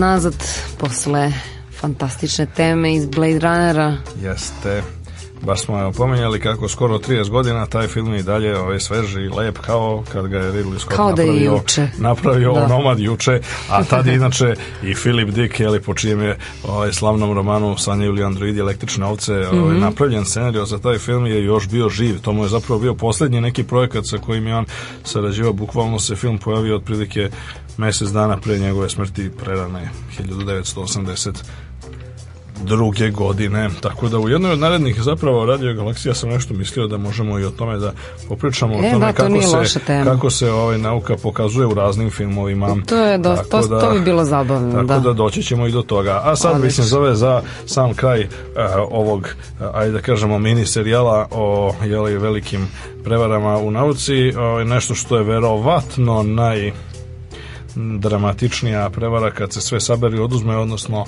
kad se uzmu obzir posledice koje je ona imala po razvitak nauke i tu baš dolazimo do one stvari mislim zovemo po kojoj evo sad kad sagledavamo ove neke stvari koje su bili dobro, ajde kamerer je onako dosta tragičan slučaj ali recimo ovaj Samerov koji onako delo je na prvi pogled zabavno ono što ljudi zaboravljaju jeste velika materijalna i nematerijalna šteta koju takvi slučajevi uvek proizvode a, a kod Samerljena da možemo zamisliti sad recimo na primjer da e, ljude koji su i posebno novinare koji su, koji su čuvši za ta spektakularna otkrića o tome da će to biti moguće relativno uskoro rešiti problem odbacivanja tkiva, oni su to napumpali po medijima, pa se pojavljivali tekstovi koji su davali ono hiljadama pacijenata potpuno lažnu nadu da taj veliki problem eto samo što nije rešen i tako dalje. Tek danas savremenim ovim, znači istraživanje na polju matičnih ćelija uze budi rečeno je upravo ono što nam obećava da Da bismo tragu. možda mogli mm. uskoro da rešimo taj problem, ali to je i dalje, mislim, zove na relativno dugačkom štapu, tako da to i dalje odbacivanje tkiva je i dalje ogromna, ogroman problem e, koji dan danas, mislim, zove ima, ima velike medicinske i naravno ljudske i moralne posljedice. E sad, što se tiče, mislim, to, međutim, te prevara, ta prevara relativno kratko trajala. E, Uzmemo u obzir da možda najveći faktor koji odlučuje o tome kakav će efekte imati, mislim, zove neka prevara, jeste vreme. Odnosno, u ukoliko se prevara brzo otkrije, kao što je bio slučaj recimo sa Sunderlandom ili kao što je opet bio slučaj sa Henrikom Shenom o kome smo govorili prošli put, mm -hmm. je ta, bez obzira što postoji napravljena velika šteta, mislim zove ona se relativno brzo može sanirati. E, nasuprot tome, ovo o čemu ćemo govoriti a, je imalo tako dramatične posledice iz prostog razloga što je prevara trajala praktično skoro ili možda malo više od 40 godina. A, naime, u malom, relativno idiličnom mestašcu u Essexu u južnoj Engleskoj je negde 1908. godine počeo, pa onda 1917. 12. nastavio, pa sve do 1915. lokalni lekar i amater arheolog i paleontolog po imenu Charles Dawson je sa nekim prijateljima e, pronalazio gomilu nekakvih čudnih ljudskih fosila i kada su oni sastavili to, 908. godine još nije, ni ništa znalo, ali recimo 912. su oni rešili kao da se obrate nekakvim ipak uglednim akademskim institucijama kao što je Britanski muzej i njegov uh, kustos zadužen za antropološki deo Britanskog muzeja, Sir Arthur Smith Woodward, koji i oni su predstavili te fosile, ispostavilo se da su fosili, fosili novog i do sada nepoznatog ljudskog pretka, mislim zove, koji je dobio latinsko ime, evo, Antropus dosoni, odnosno, ili poznati kao, dobro, dosoni po otkrivaču, naravno, a evo, Antropus čovek zore ili čovek praskozorja, a po mestašcu, mislim, zove selu u kome je pronađen, e, je dobio naziv popularni čovek iz Piltdowna ili Piltdownski čovek. E, čuveni. Problem je e, sa Dosonom, Doson je umro e, već 1916. tokom Prvog svetskog rata i sa sobom je odneo u grob odgovor na jednu od zaista najvećih misterija u istoriji nauke. ona se ne odnosi na samog Phil Downskog čovjeka, mada je on izazvao u periodu od 1912. znači kad je bio zvanično promovisan kao novi i neotkriveni ogroman, senzacionalan doprinos fizičkoj antropologiji, pa sve do 1953. Znači, periodu od 40 21 godine, mislim zove, je on bio predmet a, ogromnog broja istraživačkih radova. Znači, napisano je preko 300 recenziranih naučnih radova sa temom Pildaunskog čoveka, na mm, tome se govorilo na brojnim konferencijama, niko ne zna tačno koliko, a procenjuje se, mislim zove, da je možda desetak ili, ili možda par desetina doktorskih disertacija, mislim zove, napisano i odbranjeno, mislim zove, na temu analiza ovog fosila. A, razlozi zbog koga je ovaj fosil dočekan, mislim zove, sa oduševljenjem su bili raznoliki i nažalost dobrim delom su bili nenaučne prirode. Naime, jedan razlog za to je bilo nekritičko i naivno shvatanje darvinizma ili već bilo kakve evolucije koje je vladalo u to doba. Pa i lamarkizam i darvinizam su se slagali u jednom a to je onako svaćeno na naivan način, mislim, zove darvinizam, ona kako je svaćan tada i kako je dugo vremena kasnije, danas se više ne smata tako, ali, ali recimo se dugo vremena i danas recimo kreacionisti insistiraju na tome da mi treba se da zapravo oni često u svojim lažnim argumentima protiv evolucije, oni se pozivaju na to jedno prevaziđeno shvatanje darvinizma koje je vladalo, mislim, zove prestotina godina. Naime, tada se verovalo, a kažem opet, tu su i lamarkisti i darvinisti bili potpuno saglasni da između svake dve nekakve morfološki različite e, e, vrste ili podvrste ili šta god bilo, ali dva morfološka različita e, organizma mora postojati nekakav srednji Ovaj, dakle, mora postati nekakva karika koja nedostaje, kako se često tako naivno zvalo, a mora postati neka međuoblik. I onda, mislim, zove su ljudi, sa to, dakle, kažem, to je potpuno svejedno da li ste ono Lamarkista ili Darwinista, oni su jedni i drugi slagali. Možemo da diskutujemo o tome da su se razlikovali koliko brzo ta evolucija teče, pošto su Lamarkisti generalno tvrdile 102 mnogo brže nego inače, ali svejedno, znači, često se prisustvuje debati oko toga, a ljudi kažu, eto, ptice su nastale od mizavaca. Ok, a šta to znači? To znači da mora da postoji nekakav među, e, među oblik koji ima osobine i ptica iglizavaca. I gle čuda, taj je pronađen, zove se Archeopteryx i, i izazvao je veliku kontroverzu svoje vremeno, ali ovaj, recimo to je pronađeno, to smatra kao jednu veliku vodu. E, tako su isto ljudi smatrali da u, u hijerarhiji uh, hominida, mislim zove, od znači jako primitivnih po sadašnjem nekom stupnju, sad opet, ne treba to shvatiti vrednostno, mislim, zove hominida, kao što su recimo Pitekantropus ili, e, ili um, ovaj, Australopithecus afarensus, znači to su bili, mislim, zove, znači ne, sličniji čovjek kolikim majmonima, mislim, zove nego savremenom čovjeku, pa do relativno, uh, hajde da kažemo, naprednih hominida kao što je neandertalski čovjek jednostavno je postojalo ništa, mislim, da je u to doba. I a, na neki način je to ništa trebalo, e, trebalo premostiti, a Pildownski čovjek je došao, kako bi se reklo, ko kec na 10, zato što je on imao istovremeno osobine i ono primitivno, ajde da kažemo, i majmuna i čovjeka krajnje pojednostavljeno. Znači, on je, primjer, imao veliku lobanju, kako se to rekonstruisalo tada, ali imao je jako malu, e, veliku lobanju sličnu ljudskoj, a jako malu vilicu, mislim, zove sličnu, mislim, zove jako malu ljudsku vilicu.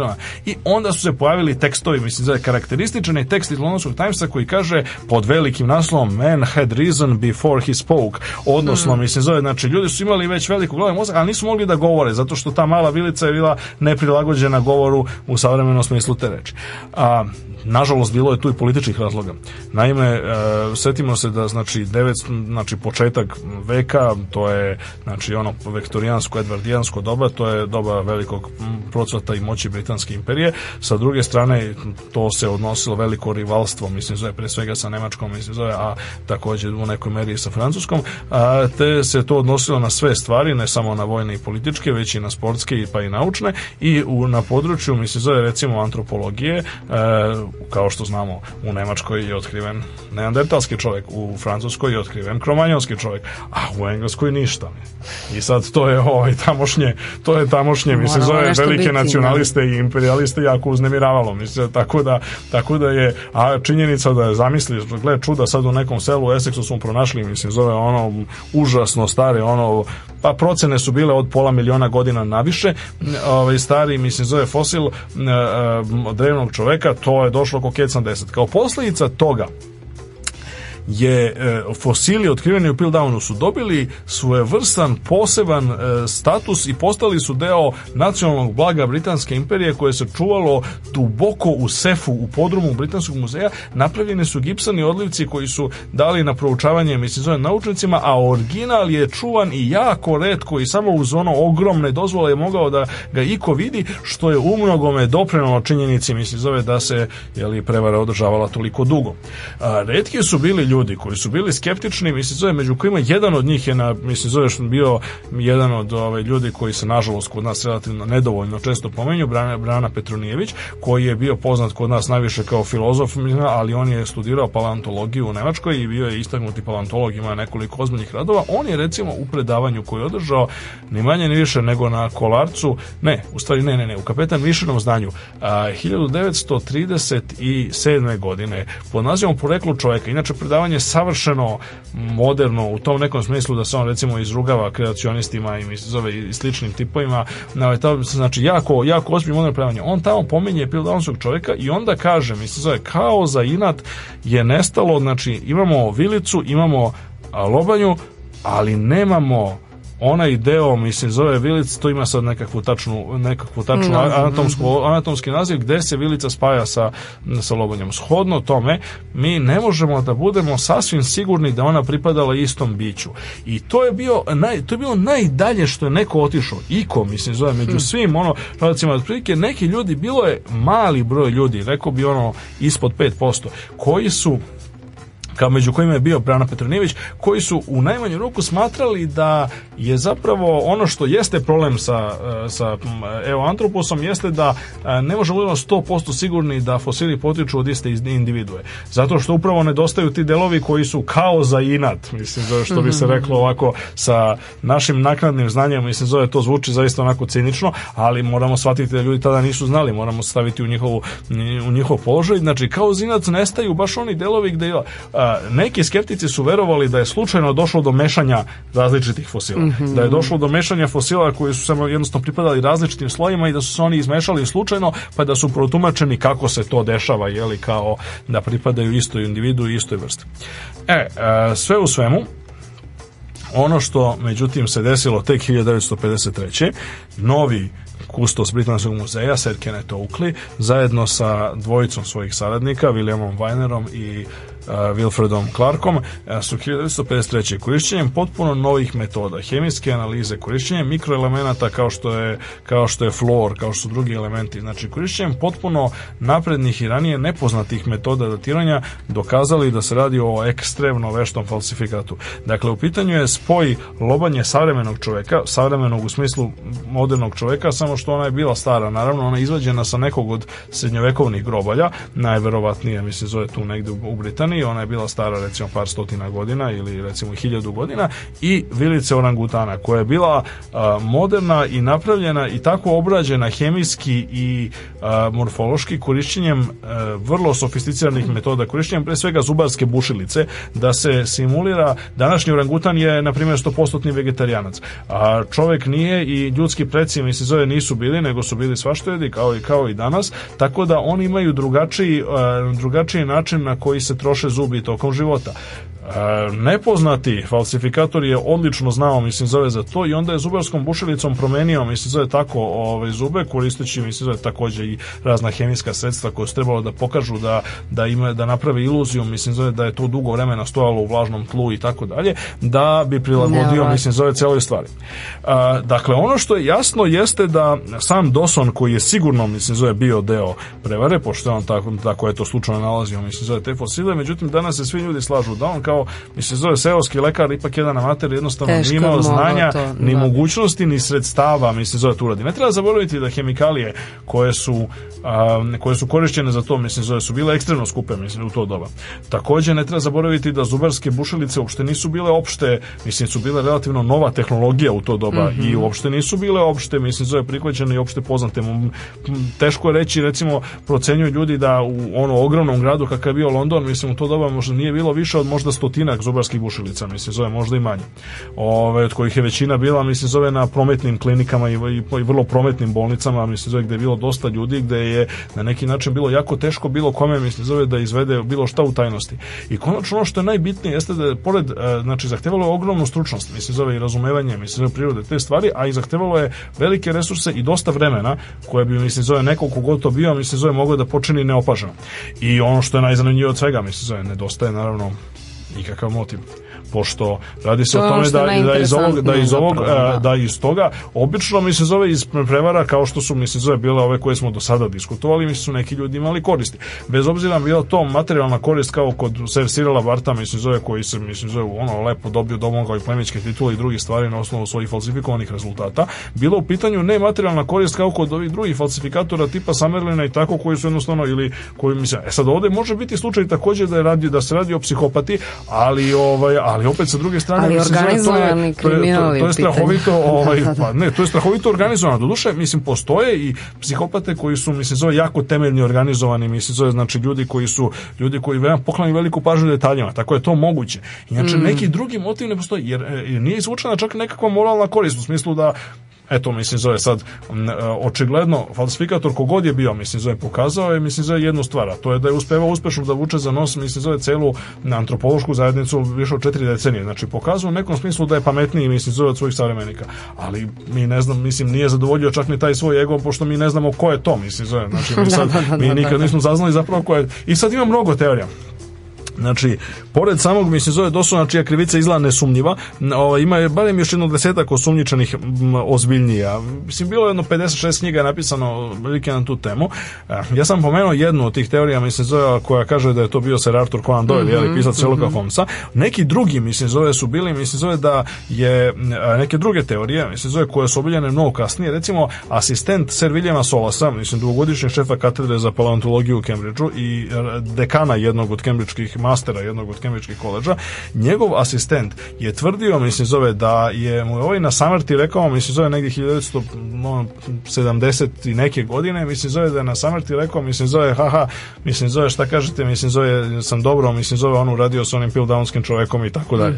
Ovaj, sad naravno, mislim zove, to opet, mislim zove, krajnje nepozno, neprovedljivo, pošto čovek umro, mislim zove, vrlo brzo, mislim zove, nakon toga, on je recimo, mislim zove, u svakom slučaju imao znanja za to. Jedna od najbizarnijih ideja koji je promovisao e, veliki evolucionista i popularizator nauke Steven Jay Gould e, je e, bila ta da je zapravo čovjek koji je stavio iza toga ni manje ni više nego poznati filozof, teolog i kasnije legitimni paleontolog ono u svom smislu, naime kome smo govorili u Radio Galaksiji i čak ovaj, smo diskutovali o jednoj njegovoj knjizi, Pierre Teilhard de Chardin.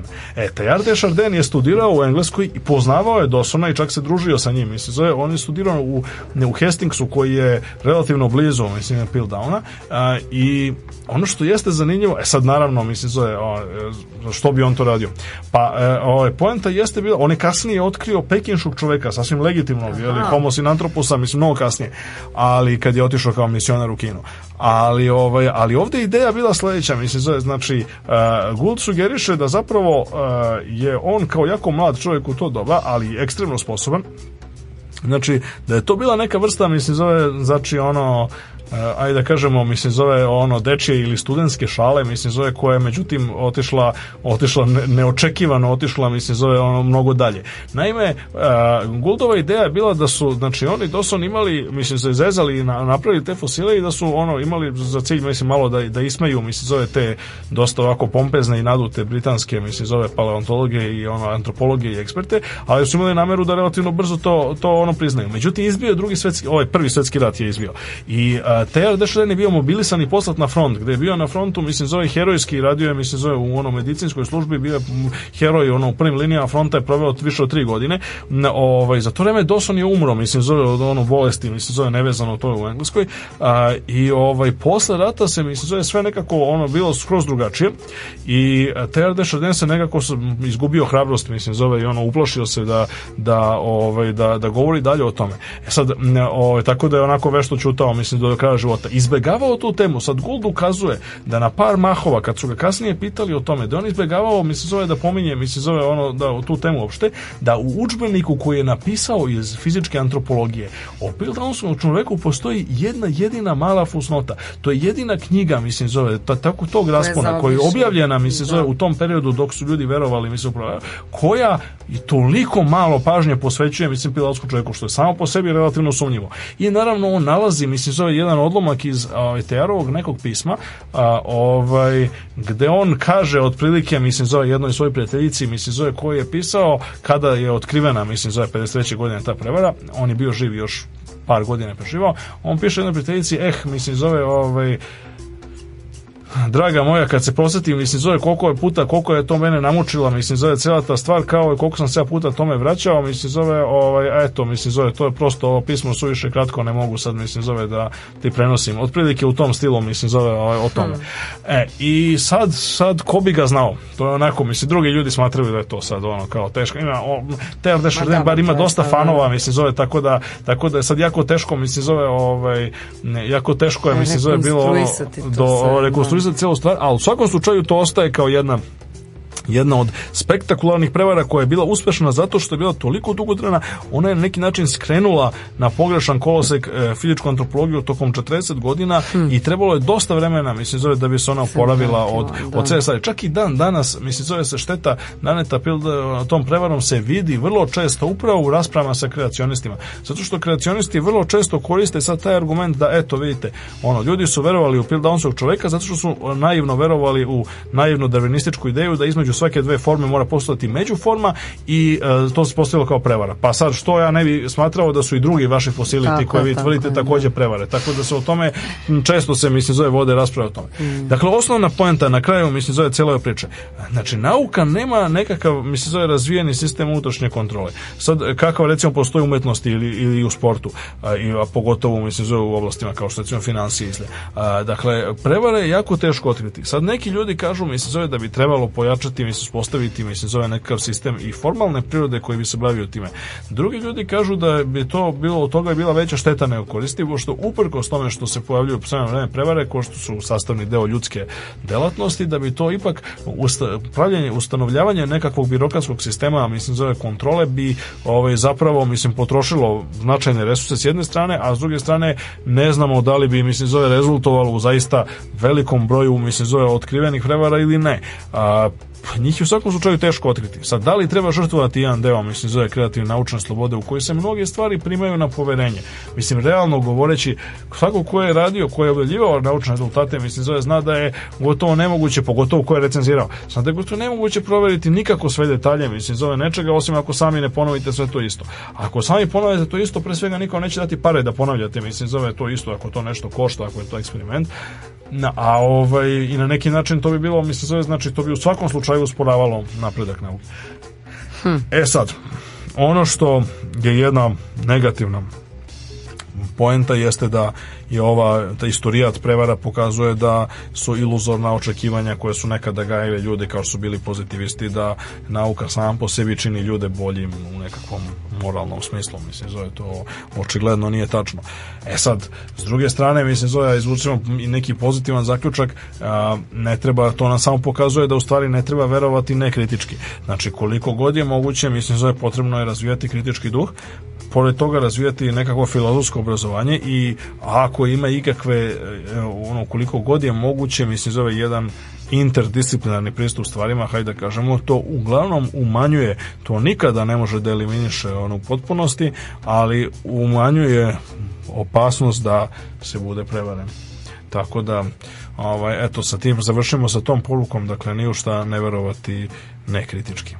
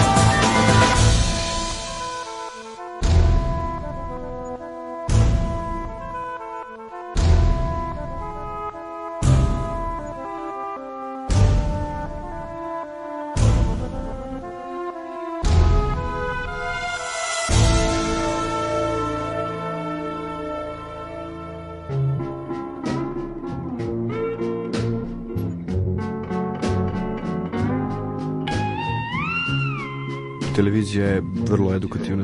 Svaki put kad neko upali TV, ja odem u drugu sobu da čitam knjigu. Prljava knjiga nikad nije prašnjava. Stižemo mi polako, ali sigurno do... E, da. Rubrike Jedan pisac, jedna knjiga. Jeste. I ovaj put nešto što je zaista klasika, ali mislim naravno treba, treba ljude podsjećati pomalo i na to. Dakle, ovaj, do sada smo se uglavnom bavili savremenom književnošću, što prozom, što seistikom. Mm -hmm. A, ovaj, sada ćemo se vratimo malo u 19. vek, tako da ovaj, veliko čast, zadovoljstvo i veselje živo. Knjiga koju mhm. preporučujemo ovaj, za ovu nedelju je ne manje ni više nego Mark Twain i njegov legendarni, mislim, zove roman ponekad interpretiran kao knjiga za decu, mada ja to ne bi tako nazivao, Jenki na dvoru kralja Artura da e sad Mark Twain, mislim o njemu se manje više maltene sve zna, ono što jeste zabavno što je sam isticao, jeste da je on i rođen e, 1835. i umro, mislim zove kada je u blizini zemlje bila Haleva kometa e, i kad da, je bila da, vidljiva da. i to je ono što je on sam pričao, mislim zove više puta, čak i pre smrti koji nije tačno znao, on je rekao došao je ovaj, na kometi, a sa njom namerava i da ode. Tako da hm. ovaj, u tom smislu reči on kao jedan od najvećih ono humorista i mislim zove naj onako duhovitijih i veselijih autora svih vremena, ali takođe i veliki socijalni kritičar i to ne treba takođe zaboraviti. Znači, punim imenom Samuel Langhorne Clemens, a, je poznat poznati pod jeli, pseudonimom Mark Twain, je pisao sve i svašta. On je poznat, najpoznatiji po jeli, avanturama Toma Sojera i nastavku, mislim, zove jeli, avanturama Huckleberry Fina, ali on je pisao još jako, jako mnogo drugih stvari. Bio je ekstremno zainteresovan za najrazličitije aspekte ovaj, akademskog, intelektualnog, drugog života i rada. Ono što recimo malo ljudi zna, mislim zove to je pisao sjajne putopise. Dakle njegovi prikaz, njegovi putopisi na primjer po Havajima, onda po Karibskim ostrvima, po Mauricijusu i tako dalje, mislim zove po ostrvu Fiji, mislim zove su neki od, neki od najzanimljivijih, mislim zove dakle e, najzanimljivijih putopisa, delova putopisne literature ikad napisanih. E onda recimo ono što ljudi ne znaju jeste da on bio dobar prijatelj, mislim zove Nikola Tesla vole i da se sa njim često družimo nekoliko fotografija na ove ovaj njihovih i on je često volao da dođe, mislim, zove i da sedi tamo u Teslinoj laboratoriji, posebno dok je ona bila na Long Islandu, što je njemu bilo relativno blizu. On je najveći deo života proveo u Connecticutu, u, znači na, to vam je ona država severno od Njurka na Atlantskoj obali, koja je relativno jako blizu Long Islanda, jer ona Long Islandu je bila jedna od Teslinih laboratorija ne, i onda je, onda je on često dolazio, mislim, zove, jeli, da se druži sa Teslom, tu je posmatran njegove eksperimente instrumente. E, onda naravno mislim zove on se bavio tako čitavim nizom mislim zove drugih interesantnih stvari, mislim zove kao što je na primjer popularizacija, mislim, zove tada novo otkrivenog i, i veoma čudnog pronalaska pisaće mašine, ovaj, koji je jako doprineo. Takođe se borio, mislim, zove za razne stvari. On je bio jedan od najvećih zagovornika ukidanja ropstva i pisao je, mislim, zove ono jako vatrene polemike i debate protiv ovaj, jeli, ropstva na jugu, konfederacije i tako dalje i pre građanskog rata, mislim, zove, a naravno, mislim, zove da je onda posle toga, mislim, zove se zalagao za ispravljanje nepravdi koje su bile počinjene prema bivšim grobovima. I sad u tom smislu reči mi se napisao jako mnogo i kritički angažovanih knjiga i jedna od njih, mislim, on je na neki način uspevao da, da te e, o, socijalne poente, dakle, e, o, ovaj, društvene nekako ubaci, mislim, zove čak i u naj, onako, satiričnije, bezazlenije i najsmešnije, mislim, zove ono ostvarenja, tako da jedan dobar primer Dobar primer mislim da toga je upravo ova knjiga o kojoj, o kojoj sad govorimo, a to je Jenki na dvoru kralja Artura. Dakle, ta knjiga mislim da je jedna od onako apsolutno najkomičnijih ovaj, knjiga svih vremena. Ona je nek preteča putovanja kroz vreme, mada se ne može reći da je to baš to, tu se zapravo je zaista radi o putovanju kroz vreme, a naime glavni protagonista, čovjek po imenu Hank Morgan se ovaj, nalaz, je dobio jak udarac u glavu, hajde tako da kažemo i onda se neobjašnjivo mislim da je pojavio i probudio u šestom veku hrišćanske ere ovaj, na jeli, dvoru kralja Artura gde ovaj, onako legendarni, znači to je rani, srednji, rani, rani, rani srednji vek e, i onda on tamo susreće sa raznim likovima mas eh, até da, više mitološke nego istorijske epohije kao što su bili Ser Lancelot, Ser Mordred i drugi. Mislim da je naravno čarobnjak Merlin koji predstavlja njegovog glavnog neki način oponenta. I sad upravo kroz komične, mislim, zove situacije u koji dolazi u njihovom ono sukob rivalstvu, hajde da kažemo tako, koje povremeno preraste otvoreni sukob, jeste ovaj, baš upravo to, znači odnos između ono magije, magijskog i naučnog načina mišljenja, pošto Henk kad se snašao nakon prvobitnog šoka, haosa i tako dalje, on onda dolazi na ideju da potrebno da ispravi, mislim, zove brojna zla probleme koje vidi svuda oko sebe, e, glad, boleštine, nehigijenu, mislim, zove ono nasilje i tako dalje, korišćenjem savremenih nekih znanja koje ima o savremenom svetu, o e, znači raznim, raznim tekovinama koji su se akumulirale tokom posebno od perioda prosvetiteljstva pa nadalje. E, a sa druge strane, mislim, zove naravno Merlinu to smeta kao jeli, zagovorniku ipak ono, starog, starog, da kažemo, magijskog, druidskog načina mišljenja, tako da onda tu dolazi, mislim, zove do raznih komičnih situacija. Uzre bude rečeno, ova knjiga izazvala gomilu kasnijih e, prikaza nastavaka pastiša i, i sličnih e, fenomena. Jedan od najzabavnijih meni jeste slavni roman braće Arkadije i Borisa Strugatskih, o kojima smo također pričali u prethodnim radio galaksijama, samo što njihov roman ovaj pod nazivom Panjedeljnik načinajca u subote, a, odnosno ponedeljak počinje u subotu, nikad nije preveden kod nas a, i koji Štet. se koji inače mislim zaista šteta pošto mm. to je na primjer mislim da to je onako čist fantasy a sa i sa onako raznim zabavnim kafkijanskim onako aspektima crno humornim ili Monty Pythonovskim aspektima naime tu se radi o super tajnom e, ono daleko negde na severu sovjetskog saveza, mislim, zove pod, u najekstremnijim ono, merama predostrožnosti i tajnosti se nalazi institut za proučavanje magije, mislim, i sad tamo se između osloga oni pokazuju da sve te magijske stvari su zaista realne i sad oni uspevaju tu da simuliraju čitav niz raznih fenomena poznatih iz istorije, između osloga oni dovode mer, to se recimo dešava negde za vreme prežnjeva, mislim, zove poznih ono 60. godina, ne, ovaj, glubo i sad oni dovode, mislim, zove kroz nekakav wormhole i crvotočinu, mislim, zove dovode Merlina, mislim, zove tamo na institut i daju mu neke zadatke, mislim, pozove tamo da radi za njih i onda on kaže, a pa da, kaže, ja sam se borio protiv američkog imperializma. Kaže, kad se setim, kaže, onog, kaže, Henka Morgana, kaže, muka, mi, kaže, muka me uhvati i onda bukvalno referiše se na ovo. Kaže, ja se sećam, kaže, ja sam se trudio, kaže, maksimalno, kaže, da suzbijem taj američki imperializam, kaže, tamo u moje doba, mislim. tako, da, tako da je to ovako ja krajnje zabavna knjiga, za sam kraj jedan onako karakterističan odlomak iz koga će nam sve biti jasno kako je to jedna zabavna i aktuelna stvar.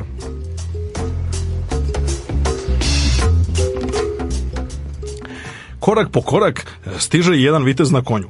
Kad se primakao, bolno je prostenjao, a po rečima sam shvatio da kuna i psuje. No ipak mi je bilo drago što je došao jer sam video da nosi oglasnu tablu na kojoj je zlatnim slojima pisalo Koristite Petersonovu pastu za zube, vrlo moderno. Obradovao se kad sam ga video jer sam već po tom znamenju zaključio da je to jedan od mojih ljudi. Jer bio je to Ser Madok od Montena, krupan, visok momak, čuven po tome što jednom za malo dobori da selo Ancelota s konja. Pred nepoznatim ljudima bi uvek dovoljno brzo našao neki povod da iznese tu slavnu činjenicu. Postojala je međutim jedna druga skoro skoro jednako bitna činjenica koju nikad nije svojevoljno gurao kroz nos, ali je nije ni pričutkivo kada bi ga ko pitao. Razlog naime njegovog neuspeha bio je taj što u posljednji čas sam bio oboren preko konjskih sapi. Taj bezazleni golemi klipa nije uviđao neku naročitu razliku između to dvoje. Sviđao mi se jer je bio predan poslu, a takođe i vrlo koristan. Bio je naočit čilkih ramena pod pancirnom košuljom sa čitavom grivom od perja na glavi i velikim štitom na koji je dosta neobičajno postavio metalnu narukvicu koja je stezala zaštitnu pastu za zube sa geslom isprobajte novodont. To je bila ta pasta koju sam pokušao da uvedem na tržište.